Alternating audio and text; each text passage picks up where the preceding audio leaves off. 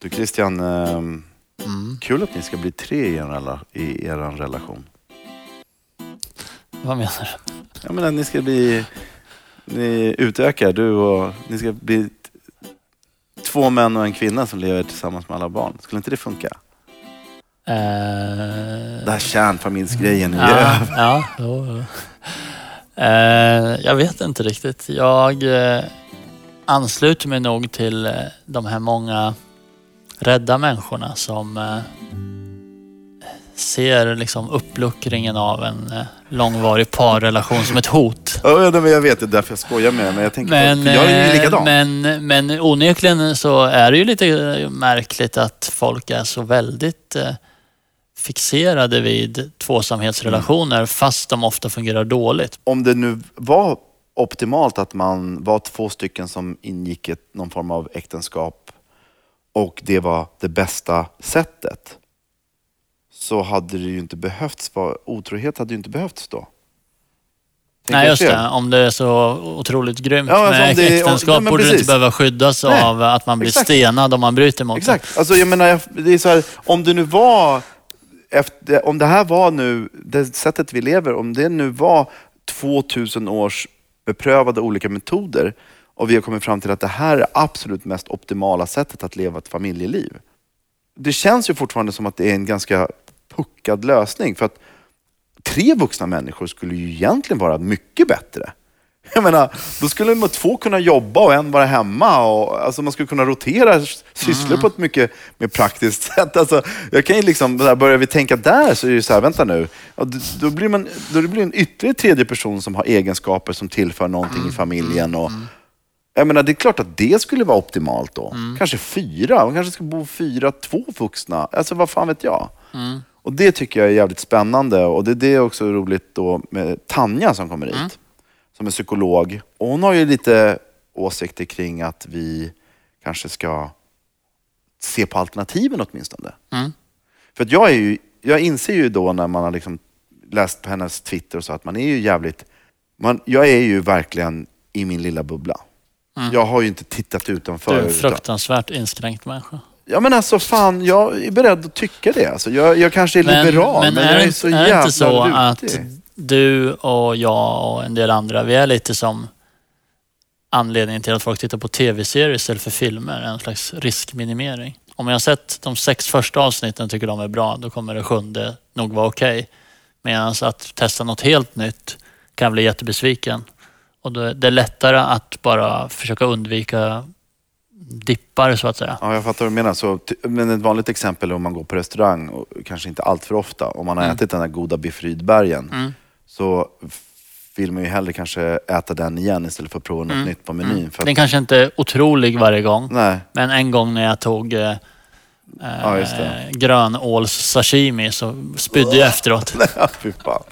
Ja, men det, det är nog så. Och därför så är man då... eh, Men vänskap till exempel tycker jag är ett bra all- eh, exempel i den här diskussionen. Eh, Hur många umgås du med idag som du också umgicks med när du pluggade för 20 år sedan när du skulle bli läkare? Eh, ja, det är några stycken faktiskt. Men umgås, umgås ni lika frekvent? Jag menar, man är ju bästa kompisar i olika perioder i livet. Och det, jag kan ju umgås med någon under en period när jag kanske gör ett visst jobb och vi är vänner och så gör, i tre år. Man åker till någon utlandssemester och sånt. Och sen kommer man hem och så händer någonting. Visst, det är fortfarande en bra kompis. Men fem år senare så har vi ju inte umgåtts eller och varit det är, hemma. inget, det är inget tabu liksom, eller Nej, konstigt. det är ju lugnt. Och det, så är det ju. Och där väljer man ju hela tiden människor som ska komma in och ut ur de här looparna som jag kallar det för. Så här, ja, men inne i loopen eller ute i loopen. Och där är vi ju som människor, där är man ju accepterande och där förstår man ju så här, men fan du har ju, ja jag förstår du ska åka till Frankrike på eh, fotbolls-EM med de där grabbarna. Och jag, har ni har inte ens frågat om jag ska haka på, men det är klart, ni är ju polare och så här. Så att det känns ju som att alla de relationerna så är det ganska naturligt att gå in och ut och ha poly... Vad blir det? Polyrelation. Ja. ja, men liksom, där är det okej. Ja. Och, och det är ju också, vadå, vänskap är känsligt. Jag menar, du, v- Man kan ju bli sårad och gråta för att man har blivit sviken av en vän. Och det, det kan göra minst lika ont som att ens partner sviker en ju. Mm. Eh, och man känner sig Kanske mer ont på Ja, vissa ibland. sätt ibland eftersom... Ja. eh, eh, ja. beroende på Mm. liksom vilka situationer. Men där är det ändå så att man kan liksom ha en relation med en bästa kompis och ha andra bästa kompisar och det går in och ut och det är bara en slags... Så vad är det som gör att just att man ska träffa någon när man är 23 Mm. och bara sätter två handklovar på varandra och säger nu är det du och jag. Mm. Och det är du och jag sida vid sida hela tiden. Allt annat är ju inte det. Mm. Ja, men det är helt klart så att samhället på något sätt sätter en, en eh, premierar långvariga relationer. Alltså att, att det anses ju som något fint om man varit ihop i 50 år eller 20 Ja. år. Det tycker jag att det lätt blir så. Och då eh, kan man säga att ställa sig utanför det kräver ju ett visst mod och eh, någon slags eh, eh, motståndskraft också att stå ut med att andra tycker på andra sätt. Man kanske borde sänka bo- bostadspriserna med typ 50 procent. Då skulle det bli en skilsmässovåg troligtvis. För nu är det så ohyggligt Wow. dyrt att skilja sig. Ja, men wow, tänk, du ska, spännande. om ni Bra skulle skilja tanke. er och behöva köpa två hus. Ja, just det. För många är det omöjligt. Liksom. Som du säger, det skulle bli helt... Det skulle bara, och då har vi ändå hög skilsmässorate. Mhm. För nu tror jag för många är det omöjligt. De är redan på gränsen ekonomiskt att ha en bostad. Och är du Och i då- kvinnofällan där du kanske Ja. har haft en man som har jobbat och du känner att så här, om jag skiljer mig så jag måste börja jobba och jobba upp en ekonomi. Ja. Eller du kanske inte äger tillräckligt mycket av bostaden etc. etc. Det finns Shit, tror jag, massor med ju- sådana grejer. Och när bostadspriserna håller på att gå upp, upp, upp Ja. som de gör så blir det allt större inlåsningseffekt. Ja, just det. Det har du ju helt rätt i. Mm. För att jag kollade här, jag ser här på eh, Statistiska centralbyrån så läste jag här, under 2014 så gifte sig 47 000 par samtidigt som 24 000 äktenskap upplöstes genom skilsmässa. Så det är typ 50-50 då. ungefär. Ja, eller Mm. vad blir det? Det blir hälften av antalet som gifter sig varje år skiljer sig. Men nu är det inte samma par då förstås. Mm. Nej, men, men, eh, och det är också intressant att veta hur många år i snitt, det har inte jag kollat upp, som folk är gifta. Nej. Tanja som kommer nu, hon är ju psykolog, sexolog och faktiskt en person som jag aldrig har träffat eh, på riktigt så att säga, utan har följt på Twitter länge där hon är helt klart en väldigt frispråkig person. Eh, och det ska bli, ja, ja, hon skriver mycket om, vad ska man säga, eh, normkritiska saker om monogami och sånt som är väldigt intressant. Skriver väldigt mycket om sig själv och så. Så det ska bli väldigt intressant att höra vad hon har att säga om, om det finns någon poäng med monogami. Mm, så två eh, inskränkta vita män i övre medelklass ska prata med en liberal polyamorös Tanja. Jag tror inte hon vill kalla sig polyamorös. Nej, är det Nej, så? utan eh, eh, relationsanarki tror jag det är det rätta ordet. Okej, ja, men vi kanske får lära oss Mm. eh, skillnaden. Tanja Suhinina är född i det som då hette Leningrad och kom till Sverige som 12-åring. Hon är psykolog, sexolog, mangaserieskapare och relationsanarkist. Hon driver bloggen Duktiga och intelligenta Tanja Suhinina och är en av de mer frispråkiga twittrarna vi följer. Om Tanja måste välja ett djur som hon ska vara, ja då väljer hon sälen. Välkommen Tanja. Tack. Vad är poängen med monogami? Det är ganska bekvämt. Det är liksom det mesta är anpassat efter det. Och jag tänker att man kan i alla fall leva i en illusion av att ens partner inte kommer lämna en. Det låter väl skönt. Men det är alltså så att du är egentligen inte den bästa reklampelaren för monogami. Nej, det är kanske inte nej. Så ehm, vad är det för de som aldrig hört talas om något annat och lever i en relation som rullar på i hjulspåren? Vad, vad är alternativen? Jag tänker att eh, de flesta är ju inte, inte helt monogama. De flesta har ju haft flera partners över sitt liv. Istället för att bara ha en någonsin som är liksom riktigt strikt Man är monogam en i taget så att Ja, säga. seriell monogami kallas det. Och då tänker jag, det är liksom, tänk er det där fast samtidigt. Mm. Flera på en gång alltså. Ja. Och det kan ju se jätteolika ut. Det, är liksom, det finns ju inte en så här ISO-standard för hur icke-monogami ska skötas, utan det är allt som inte är en i taget. Mm. Och det kallas då för polyamori, eller? Ja, ganska ofta. Uh, poly är väl lite mer paraplyterm ofta. Det finns ett svenskt begrepp som heter relationsanarki som är mer liksom att man inte ens ska definiera och hierarkiskt strukturera upp. Så det finns lite olika begrepp och jag brukar prata om icke-monogami bara för att visa att egentligen det finns en liten, liten definition av det som är normen och så finns det hundra variationer på det som inte är det. Ja.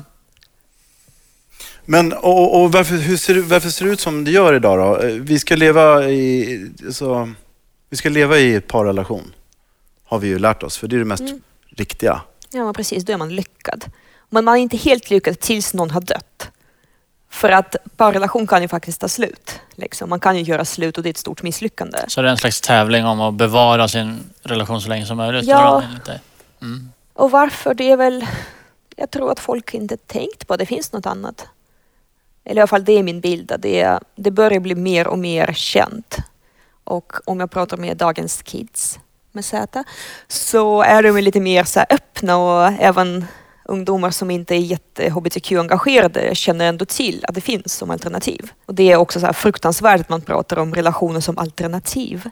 Men eh, ja, jag tror att det kommer bli mer och mer känt och accepterat, precis som homosexualitet har blivit det uh, senaste 30 åren eller sådär, att folk faktiskt fattar att det existerar. Kan det vara så att relationsmönstret som vi har idag också är ett arv efter en tid när hur man tyckte om relationen inte var så viktigt? Att liksom ens egen eh, lycka inte var på tapeten så mycket för man var tvungen att bekämpa sabeltandade tigrar och överleva till nästa dag. Så att om man var överlycklig eller inte var liksom kanske inte den stora grejen. Eller? Jag tänker att det är ju framförallt ett arv från en tid då det var jätte, jätte, jättelivsviktigt att tillhöra en familj och vara jättenoga med att eh, ha en plats i samhället genom vem man var gift med och vem man hade barn med. Nu är ju faktiskt lite mer så att varje person klarar sig på egen hand och vi har starkare stat och sådär. Medan när det var viktigt att till exempel ha en gård eller höra till någonting så var det ju såklart mer noga med vem som var gift med vem och att man inte hade legat utanför så man skaffade barn med någon annan. Mm. Men visst var det så också att eh, Sverige har varit mera eh, öppna för flera förhållanden än vad man kanske vill tro? Jag tänker att från det jag vet så är det här bilden av att folk förut var jättekristna och jättestrikta ganska, ja det är ju mer komplext än så för att de som var fattiga de låg ju ganska mycket och det var rätt okej att gifta sig sent och om det inte fanns så mycket pengar och tillgångar så var det inte så viktigt heller att gifta sig rätt. Utan det, där var nog lite mer av det här med kärlek och sådär. Medan eh, för de som faktiskt hade någonting att ärva och lämna över så var det ju mer viktigt att ens barn var ens egna och sådär. Så hur det sett ut med juridiskt och liksom känslomässigt har ju sett jätteolika ut beroende på omständigheter.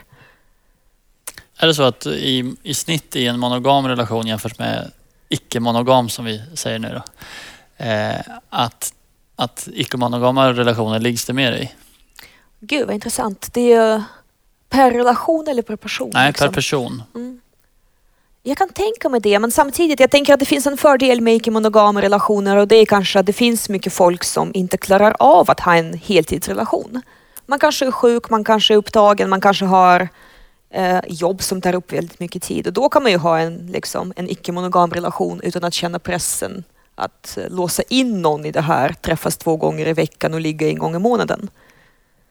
Så jag tror att det varierar mer faktiskt. Att det är en del icke-monogama som faktiskt är väldigt nöjda med att de har en partner som är okej att träffa en gång i månaden. Och en del som ligger jättemycket för att de kan. Mm. För att de inte är beroende av en partner som håller samma takt. Eh, har vi, tycker du, begränsat antal alternativ? Ja, jag tänker att det är ganska många som till att börja med inte ens vet att det finns något annat än monogami. Och dels för egen del, men också kanske antar att deras partners vill ha det så. Och det, jag kan tänka mig att dessa partners inte alltid vågar säga vad de egentligen vill, för det är väldigt bestraffat att vilja ha något annat. I inte alla kretsar, men ofta. Och sen så, ja om det blir kris i relationen, istället för att kanske öppna upp eller omvärdera eller flytta isär, det är väldigt mycket av och på. Antingen så är man jätteihop eller så är man separerad och ska gå vidare och hitta nästa. Liksom. Så att man inte håller fast varandra i en relation som inte funkar på något sätt istället för att kanske faktiskt ta det man har och fundera på okej, det här funkade inte för oss just nu. Kan vi kanske rama om det? Kan vi ha en annan överenskommelse? För, så- för, för det är ju, det är ju alltså jag tror att det vanliga är att man tänker att man är ihop Och är en otrogen så separerar man och sen så är det skilsmässa. Det är väl det som, det, är det som finns va? Eller så håller man käft om någon är otrogen. För att det är också ganska vanligt att det är okej i längre relationer med otrohet om, man inte, om det inte märks utåt. Eller om man själv inte känner till det. Att det är okej om du ligger med någon på en konferens bara det inte blir konsekvenser och det inte blir en relation. Så jag tror att det finns under ytan ganska mycket variation på hur folk faktiskt gör. Tror du att det finns också en rädsla också hur andra ser på en som att det är inte norm? Det är ju, man är rädd för hur vad ska grannen säga när de får höra att min fru jobb, ligger med någon på jobbet som de känner? Ja, det tror jag verkligen. Kan det ha någonting med det att göra tror du? Ja, Om folk- det hade släppt, då kanske det hade sett annorlunda ut då, tror du? Det kan jag tänka mig. Det är så mycket skam med att vara bedragen. Även om man själv inte känner det så kan ju omgivningen liksom känna det åt en. Eller om att man liksom skäms inför omgivningen fast man egentligen är ganska lugnt med själva faktumet. Liksom, att frun ligger med någon på jobbet. Men, men förutom att ett alternativ kan vara eh, icke-monogama relationer så är det väl också så att många människor eh, kan bli instängda i en monogam relation så att säga. Att, att det är svårt att göra slut även om man så att säga bara tänker att, att man ska sluta vara tillsammans med den personen och Ja. eventuellt vara tillsammans med en person senare. Och det borde då rimligtvis vara ett mindre problem i icke-monogama relationer. Att det inte är samma eh, skräck för att göra slut och, och att man håller fast vid relationer som är dysfunktionella längre. Nej, jag, Eller? jag tror det. är, Alltså, är det bara att, tänker att... icke-monogama får det bästa av relationerna? Liksom? ah, det finns ju såklart, De plockar russinen ur kakan menar? Eller kan det bli tvärtom, att man bara får en dålig bild? precis man får bara det jobbiga så man får tvätta jättemycket. Ja. Nej, men jag tänker att i icke-monogama kretsar så finns det öppnare dialog om hur man kan göra så att man kan liksom faktiskt våga fråga om en förändring, man kan våga testa olika saker. Så det, det öppnar liksom upp för att förhandla i relationen och se vad man vill just nu och sådär. På ett sätt som jag tror att man i monogama relationer ofta inte gör. Det är ju väldigt många som aldrig diskuterar med sina partners hur de faktiskt vill ha det. Man bara utgår från liksom Men det är väl det att man är rädd för konsekvensen, eh, Christian. Om du skulle låta din fru, Mm. vad, skulle, vad, vad, vad känner du när, nu när jag frågar dig, så här, vad, vad känner du spontant skulle vara det som känns som det största hotet? Ja, Jag känner personligen inte att det är så fruktansvärt faktiskt. Eh, Men jag tänker mig att eh, det är liksom lite en praktisk fråga så att säga. Också. Men är det inte förändringen? Att man, vi har ju alltid haft det så här på ett sätt. Och ja, så precis så tänker jag. Att, att man, man vet vad, hur man har det men om man, gör om man öppnar upp för det här vet man inte om det ska bli bättre eller Man sämre. riskminimerar genom att inte låta den andra Ja. sticka iväg. Ja, för båda, från båda håll tror jag. Och, och det leder ju förstås till att, att det konserverar det hela tiden. För det är väl så att eh, det finns ju ingenting annat i, förutom, alltså ingenting i relationen mellan två personer förutom sex som, där den ena är beroende av den andra. Alltså man kan ju göra, man- den ena kan ju välja att göra vad den vill om man lever i en monogam relation. Och Jag tänker det är lite förenklat och idealiserat för att om du fick för dig att flytta till Lappland så tror jag att din fru skulle ha åsikter om det, även om det inte skulle ligga. Nej precis, men jag kan ju åka, jag kan ju åka en weekend till Lappland. Mm, det kan du göra. Det kan Du göra och komma kebab lika så ofta du vill men du kan inte kan ligga ju med en annan person hur ofta du vill. Nej, utan kan- den personens... Ja. Nej, men om, om, om jag lever i en relation och den andra personen inte har sex på sex månader, då har ju inte jag sex på sex månader. Nej. Så enkelt är det. Och jag Mm. kan inte komma på att det finns någonting annat som man styr så mycket över. Jag tänker på, det finns ju jättedåliga exempel, men där, men där det liksom, man, man, kanske använt sex i relationen som, som valuta eller Mm. som bet, belöning. Man åker på spa och köper en present till sin partner för, i hopp om att man ska faktiskt få ligga. Som, Är det fel eller? Nej men alltså jag tror att det är, och det är ju för, det kanske, jag menar det är ju, man är så beroende av den andra personen till det. Ja. Och det är ju det som också sen gör det så jävla speciellt, gör som att man är, det är ju någonting som är jävligt unikt. Och det är ju, det är ju läskigt att tänka på om man skulle släppa på den, vad som skulle hända. Och därför tänker jag, alltså, jag antar liksom att ni har haft andra partners innan ni stadgade er nu. Liksom. Ja, jag var Och det, oskuld. ja. Nej, det var jag Nej, men inte. då så. Okej, okej. Okej, alltså. Jag har Det- sagt det till min fru, så säg, jag tror inte hon kommer att lyssna på det här avsnittet. Men Dina klasskamrater från högstadiet kommer bekräfta det. Nej men hur som helst, jag tänker att alltså, folk har ju legat med andra. Vad är det som är så jävla stor skillnad mot att göra det pågående? Det är, ja, det är speciellt Ja, i det en är relation. väl att, att om man gillar A bättre än B så kan man blir lämnad. Men är det det som då... Men jag tänker man blir ju, hela grejen med att inte man var monogam är ju också lite att man inte riskerar att bli lämnad lika lätt. Mm. Om man, eh, om man har det här, antingen så är vi ihop och monogama eller skiljer oss, liksom, så blir det ju, om man har en liten affär vid sidan om, så är det slut. Det är så samhället ser ut Ja idag. men precis, i mitt fall så, alltså om, man, om man lever som jag så har man en liten affär vid sidan om så säger man till om att man ska träffa den personen och så träffas man dagen efter och så äter man middag och så ligger man och så är det nice. Det, det är inte alls samma hot såklart. Jag var ihop med en monogam kille i fem år och det var jätteintressant för att vi hade hela tiden pratat om att han kommer göra, det kommer ta slut för att han kommer träffa någon annan. Och jag träffade ju andra under tiden och folk var så wow. Han var okej med det eller? Okej, ja. Och var jag okej med det? Nej men eh, det är det här att precis, eh, och jag träffade Nej, men eftersom andra. han var monogam menar jag. Ja, mm, och alla var så här, men han är okej med det. Gud, han är så jävla fin som är okej med att du träffar andra. Och sen när han lämnade mig för en annan, då var det ingen som frågade om det var okej med mig att han hade den dealen. Det var ju inget fel på oss två. Det var inget fel på mig, men han lämnade mig ändå. Det går helt emot all... Jag skulle ju aldrig lämna en människa för en annan. Jag skulle aldrig Nej. lämna någon jag älskar, men han gör det. De som lyssnar på det här, Mm. ditt kroppsspråk visar då helt enkelt ditt tydliga missnöje kring att folk då normalt sett tycker att den som är offret är den som vill leva monogamt. Ja, Den som, är då, som kan tänka sig vad, ha möjlighet att leva med en person men ha flera relationer. Det är ingen som tar hänsyn till den personens känslor. Ja, och jag tänker i det fallet så var det ju verkligen så att jag i fem år visste att jag kommer bli lämnad. Och det var inga monogama kompisar tänkte på det överhuvudtaget. Mina icke-monogama kompisar, de förstod ju faktiskt att det är så här, oh shit, hur är det för dig att veta att han kommer sticka till en annan tjej? Hur är det för dig att veta om han träffar en annan tjej som han gillar så är det slut för er? För att om jag träffar en kille jag gillar så är det inte slut för oss. Och för mig är det ganska moraliskt, liksom, alltså för mig själv, att inte lämna människor man älskar. Så för mig är det väldigt konstigt att eh, det anses vara fint. Mm. Om man eh, händer det att människor under sin livsutveckling så att säga skiftar mellan monoga, mer, alltså att vara monogama som du beskrev här nyss och att eh, leva på ett annat sätt. Att, att det kan vara en utveckling. Att, att om 20 år skulle du kunna liksom, gå över till monogami eller så. Är det, Ja, om jag vill det så. Nej, men det är, bland de som inte är monogama är det ganska vanligt att man åtminstone började sin relationskarriär med att vara monogam. För det fanns inget annat på något sätt. Man visste inte att man kan göra något annat. Så där är ju de flesta. Jag har ju också levt i monogam relation. Liksom. Även om jag faktiskt från början visste att jag inte ville det. Men eh, alltså bland monogama tror jag det är mer ovanligt att man gjort annat. Även om det såklart faktiskt är ganska vanligt att man till exempel dejtat flera parallellt innan man valde att satsa på en. Mm. Och det är på något sätt okej fast man inte får prata om det. Alltså det, och det, ja, det. det är ju egentligen mycket mer varierande även i gruppen monogama.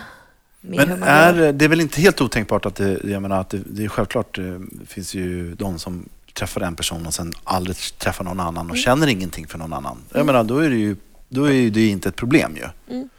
Men frågan blir ju då, hur vanligt är det att människor väljer att gå in i en relation, skaffa barn Mm.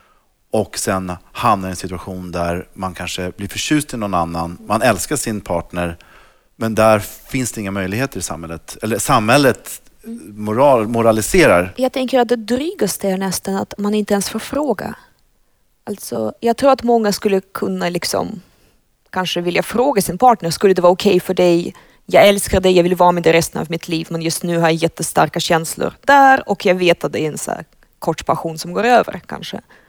Men, eh, Kanske. Det, ja, men precis. Nej, men det är väldigt få som... eh, Eller så här, jag ska åka på affärsresa med den kollegan, vi trivs jättebra ihop, kan vi få ha, när vi väl är borta, liksom, ligga med varandra. Det är, jag tror att väldigt många skulle acceptera ett nej, men jag tror att det är väldigt många som inte ens kan fråga. det tror jag verkligen. Ja, för att det är bara själva frågan är ju liksom, det är inte så att man säger ja. älskling, nej det får du faktiskt inte. Och allt är lugnt mellan oss och som förut. Det tror jag inte händer. Nej. Och samtidigt om jag då säger ja, men gör det. För, det, för din skull. För det här är det någonting som du vill göra. Jag känner mig lite obekväm, men jag kan hantera det här. Det är ju också, det är också fett ju. Det är ju, det är ju Men balla Alex, människor Alex som är skulle inte du, om Grys kom och sa så här, Ja, men jag, jag ska åka och spela in Gladiatorerna och eh, fundera på att ligga med du en av dem. upp gladiatorerna? Eh, är det okej Alltså, om jag kan- ligger kan med en gladiator? Skulle inte du... Du skulle säga nej tror jag och skulle inte du känna så här, fan vad konstigt att de sa det här efter 15 år nu. Och, och, eller skulle du bara kunna släppa det? Nej, men jag, så här, jag tycker nog mer normalt att hon skulle vara attraherad av en annan människa. Det Särskilt en gladiator. jag. Alltså, jag tycker, och, ja, precis, okej, whatever. Men, men just att hon skulle vara attraherad av någon annan under 15 år, det förutsätter jag lite. För att jag Ja. tror att man är normal om Ja. man nu faktiskt tycker att människor, om man tycker om människor, Mm. så kommer man ju någon gång bli mer förtjust i någon annan än... Alltså, det, det verkar mer rimligt Ja. att det är så. Eh, det är klart att det skulle vara jobbigt, men samtidigt om jag nu väljer att säga så här, men det är okej. Om det här är viktigt för dig och vi har varit, så prova det. Mm. Eh, men jag skulle nog faktiskt känna att, jag var fan, att det var jävligt schysst av mig. Alltså. Och det tycker jag nog kanske att den... Att säga ja till det? Ja, det är ju faktiskt mycket större än att säga nej. Alltså att säga Ja, nej är ju I väldigt teorin enkelt. förstår jag. Jag bara funderar på hur du skulle svara på riktigt. Ja, nej det vet jag inte. Och, men, det är klart, att, att vilja man- ligga med en gladiator är också på något sätt att, att det är lite som så här, jag vill ligga med en alien. Det, det, det tänker man skulle kanske vara lättare att acceptera än en Min fru är då programledare för Gladiatorerna kanske man ska säga Ja. för de som inte har fattat det. Ja, Eh, så Ja, eh, precis. vi, vi, vi får se om hon, vad hon. Känslomässigt så tror jag att det är en sak, men, men eh, jag menar bara på att eh, jag, jag tycker det är intressant att man alltid utgår ifrån, Tanja, som du var inne på, att om du, som, om du är ihop i en monogam relation, med en kille som är monogam, att man frågar hur han mår i att du vill eventuellt träffa någon annan. Att det är han som blir offret. Ja, och där tänker jag såklart att det är väldigt mycket en, att man inte är van att tänka från andra perspektiv. För att jag, när jag väl förklarar så här som jag gör nu så känns det som att Till och med det- vi förstår. Ja, man fattar ju liksom. Gud, det är ju känsligt och alla har känslor, herregud. Liksom. Men eh, det är inte det första man tänker på. Okej, så då kan man ju säga så här, om man tänker så här. Fan vad det är synd om alla människor som lever i monogama relationer. Jag tänker också det. Om man nu så, gör dem till offer. Och skammen och liksom det här att man är så låst och man vill inte ens någon illa och man kanske skulle acceptera ett nej utan problem om man inte ens kan säga det.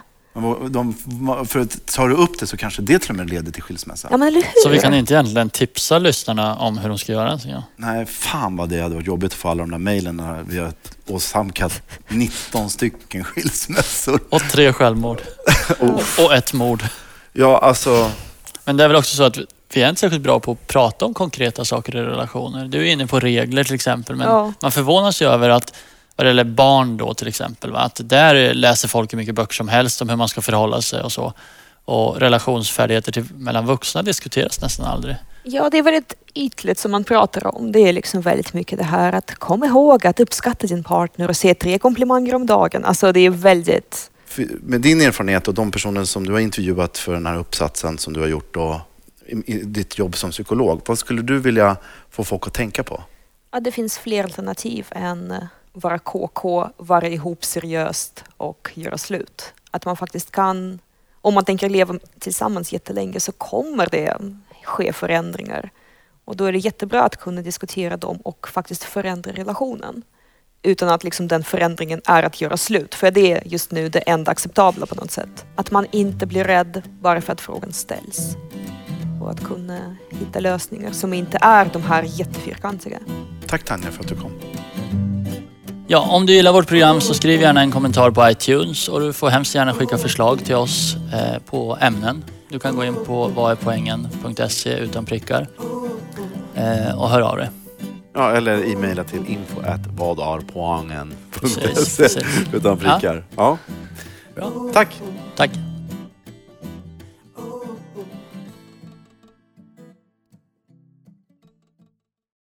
Ny säsong av Robinson på TV4 Play. Hetta, storm, hunger. Det har hela tiden varit en kamp.